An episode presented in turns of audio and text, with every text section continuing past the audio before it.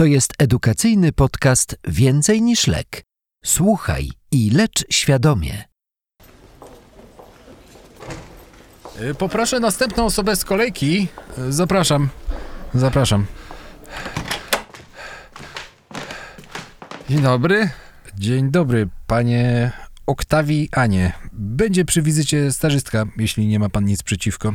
Skądże znowu? Dzień dobry. Y, Proszę spocząć i opowiedzieć, co pana sprowadza. Ja, ja doktorze jestem zdrów jak ryba.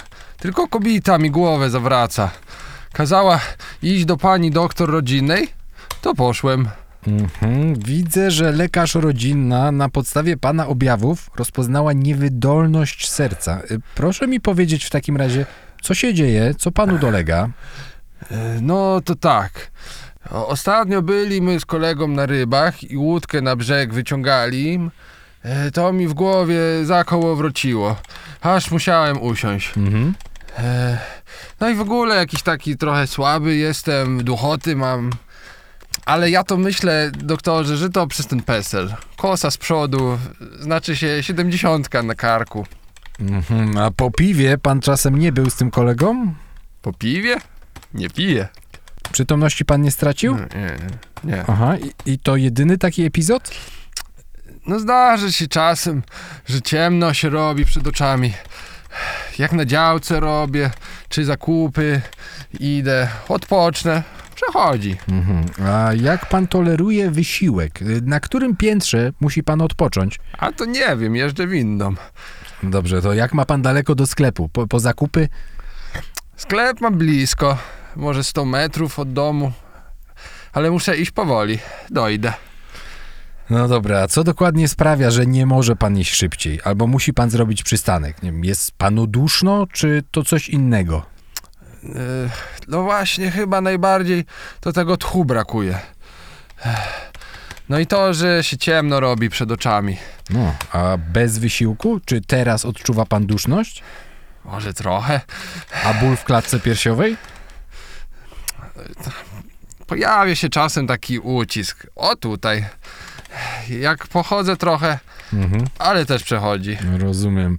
A czy jeszcze coś niepokojącego pan zauważył? Nie, nie, nie, nie, nie. A może kołotania serca? Czuje pan bijące serce? A to to tak. E, kilka razy się zdarzyło. Wczoraj, że miał e, przez chwilę coś takiego i, i dzisiaj podczas tego badania to też. Mhm. No Spójrzmy więc na EKG. Y, Kasiu, y, co tutaj widzisz? Mm, Brak załamków P, rytm niemiarowy, wygląda jak migotanie przedsionków. No okej, musimy więc określić wskazania do leczenia przeciwkrzepliwego. Coś jeszcze? Powiedziałabym, że na oko są cechy przerostu lewej komory. A spełniają kryteria Sokołowa? Mm, Suma załamka S mm, w V1 i R w V6 jest większa niż 35, więc tak. Y, Proszę mi jeszcze powiedzieć, panie Oktawianie, puchną nogi? Nie, nie. A jak pan śpi, coś trzeba pod głowę podłożyć? No tak, dwie albo i trzy poduszki, bo nie zasnę inaczej. A na coś jeszcze pan choruje? Jakieś pobyty w szpitalu w przeszłości? A to nie. Leki na stałe pan przyjmuje? E, a tu mam taką karteczkę, żona mi przygotowała. Aha, metformina, ramipril, rozuwastatyna. Na coś pan jednak choruje? Cukrzyca, nadciśnienie? Panie, ja tam nie wiem. To może żona coś więcej wie. Żona z panem przyszła? E, no tak, ale poszła do apteki, zaraz wróci. W takim razie jeszcze zamienię z nią słówko. Jeśli pan pozwoli, to przejdziemy teraz do badania. Y, Na skierowaniu jest również zaznaczone, że słyszalny jest u pana szmer skurczowy nad zastawką aorty. Szmer? A, tak, e, e, pani doktor coś wspominała, rzeczywiście. Y, tak, napisała. Osłuchajmy więc pana klatkę piersiową. Proszę oddychać. Mhm.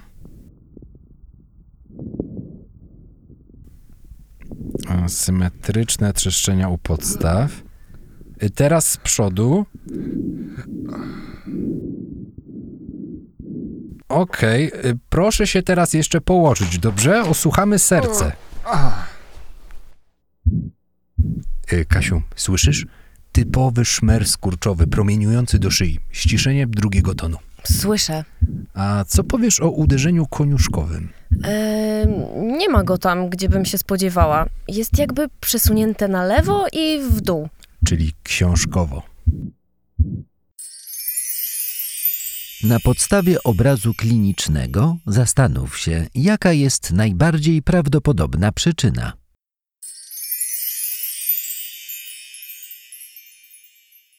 I co myślisz, Kasiu? Co może dawać taki obraz kliniczny?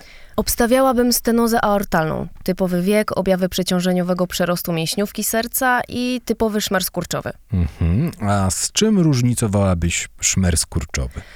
Mm, Typowa niedomykalność mitralna oraz ubytek w przegrodzie międzykomorowej. Wydaje mi się, że charakter pana objawów odpowiada jednak zwężeniu zastawki aortalnej. No, to przyłóżmy głowicę i zaraz się dowiemy. Y, Proszę się teraz położyć na lewym boku. Zrobię echo serca. Aha. Trochę bardziej do mnie. Ręka za głowę. Mhm. Spójrz, Kasiu. Ściana lewej komory ogólnie przerośnięta. Tu masz zastawkę aorty.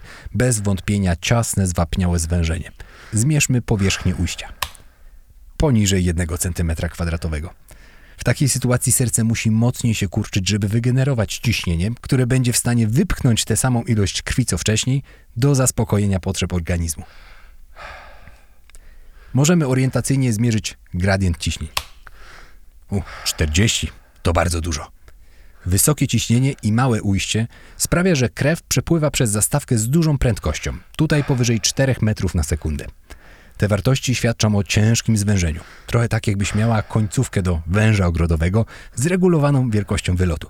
Im mniejsza, tym woda wypływa pod większym ciśnieniem i z większą prędkością. Hmm, logiczne. Taka zmuszona do cięższej pracy mięśniówka serca przerasta. Do pewnego momentu jest to efektywne, jednak z czasem serce staje się mniej elastyczne, przez co gorzej się wypełnia.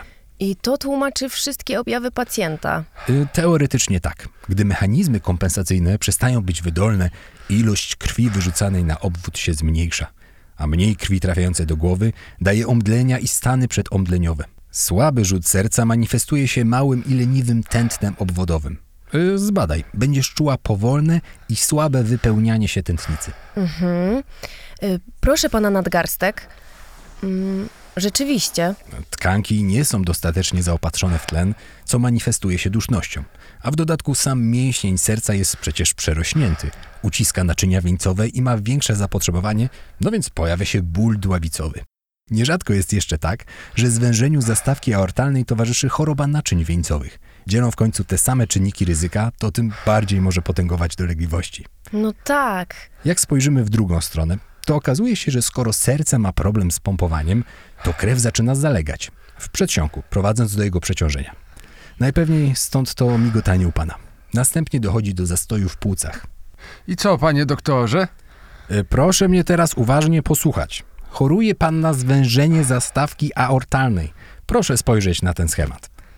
Ta zastawka to taka struktura, która się otwiera, gdy serce wypompowuje z siebie krew, a potem zamyka się, żeby wyrzucona krew się nie cofnęła. U pana doszło do zwężenia tej struktury, przez co nie otwiera się ona całkowicie, gdy serce bije. Efekt jest taki, że krwi wypływa z serca za mało, zwłaszcza podczas wysiłku. Stąd u pana ciemno przed oczami. Do mózgu dopływa w końcu za mało krwi. Aha, ale skąd to się wzięło, panie doktorze? No, panie Oktawianie, wiek robi swoje. Zastawka się zużywa, podobnie jak urządzenia codziennego użytku. Po 75 roku życia kilka procent społeczeństwa ma umiarkowane zwężenie. Kasiu, jest to trzecia co do częstości choroba serca u dorosłych po nadciśnieniu tętniczym i chorobie wieńcowej. Szansa na jej występowanie wzrasta wraz z wiekiem. U młodszych pacjentów taka choroba zastawki może być spowodowana wcześniejszą wadą, jak na przykład zastawka dwupłatkowa. U pana zastawka ma prawidłowo trzy płatki. Czyli tak jak mówiłem, PESEL. No, częściowo ma pan rację, ale swoje dołożyły tu na pewno pana cukrzyca, nadciśnienie, otyłość. Założę się, że jeszcze pan pali i to pewnie nie mało. No, zdradza pana pożółkły wąs. A no palę. Ech. No i co, doktorze, to dla mnie oznacza? Kaplica, koniec już. Niestety choroba jest u pana mocno zaawansowana. Zwężenie zastawki aortalnej długo nie daje objawów, ale gdy już się pojawią, to rokowanie staje się poważne i bez leczenia chorzy przeżywają średnio 2-3 lata. Dwa, trzy lata? O, to niewiele. Nie wiem, jak będzie u pana. Moim celem nie jest to, żeby teraz pana straszyć tymi danymi. Chcę jednak zobrazować powagę sytuacji. Panie Oktawianie, rozumiem, że to, co dziś powiedziałem, może sprawić, że poczuje się pan przestraszony i przytłoczony. Zwężenie zastawki aortalnej można jednak skutecznie leczyć zabiegowo. Aha. Czyli operacja. E, tak, no zasadniczo mamy dwie metody. Operacja kardiochirurgiczna na otwartym sercu, polegająca na wszczepieniu zastawki mechanicznej. Aha. Ta metoda jest trwalsza, jednak wymaga włączenia na stałe leczenia przeciwkrzepliwego. Stosuje się ją raczej u młodszych pacjentów. Drugi sposób to zamontowanie zastawki przez specjalny cewnik, który wprowadza się tutaj, przez tętnicę biodrową. Dochodzi się nim do serca i tam takim małym balonikiem rozpycha się starą zastawkę i w jej miejscu montuje się nową. Nie mechaniczną, a biologiczną. Ta metoda nie wymaga leków przeciwkrzepliwych. Aha. Panie doktorze, to y, y, która lepsza ta metoda? No, decyzja odnośnie zabiegu oraz samej jego metody nie jest prosta i wymaga indywidualnego spojrzenia tzw. kardiogrupy na czele z kardiologiem i kardiochirurgiem, która poza wskazaniami medycznymi uwzględni również Pana preferencje. Na pewno nic nie odbędzie się bez Pana zgody. O, no dobrze, to, e, to mnie uspokoił pan. A jakieś leki panu zapisujemy? Leczenie zachowawcze ukierunkowane jest na objawy i inne problemy medyczne. Niewydolność serca, diuretyki. Migotanie przedsionków, kardiowersja. Dławica piersiowa, beta-blokery. Jednak tu trzeba być ostrożnym. Ale w celu usunięcia przyczyny zasadniczo pozostaje nam operacja. A, i jeszcze jedna ważna kwestia. Panie Oktawianie, liczę, że w tej całej sytuacji da pan coś od siebie. Od dzisiaj rzuca pan palenie i postara się pan przed zabiegiem zrzucić chociaż kilka kilogramów. Tutaj, bardzo proszę, wizytówka do dietetyka. Zgoda? Wiem, że nie jest łatwo zmienić swoje nawyki, ale bardzo bym chciał, żeby spojrzał pan na tę sytuację z pełną powagą i świadomością zagrożenia pana życia. Chciałbym usłyszeć zapewnienie, że zmobilizuje się pan, by zadbać o siebie w tym trudnym czasie i leczeniu, które nadchodzi. Dobrze, doktorze, postaram się. Trzymam pana za słowo. Myślę, że to wszystko, co musi pan wiedzieć na ten moment. Wystawiam pilne skierowanie do szpitala i receptę na leki. Porozmawiam jeszcze za chwilę z pana żoną. Dziękuję. Zapamiętaj. 1. Stenoza aortalna to trzecia co do częstości choroba serca u dorosłych. Jej częstość wzrasta z wiekiem, dzieli podobne czynniki ryzyka co choroba wieńcowa. 2. Choroba ta długo nie daje objawów, jednak gdy się już pojawią, rokowanie staje się poważne.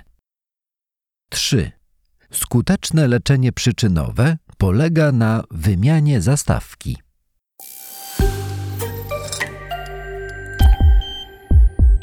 Więcej niż lek. Medyczny portal edukacyjny.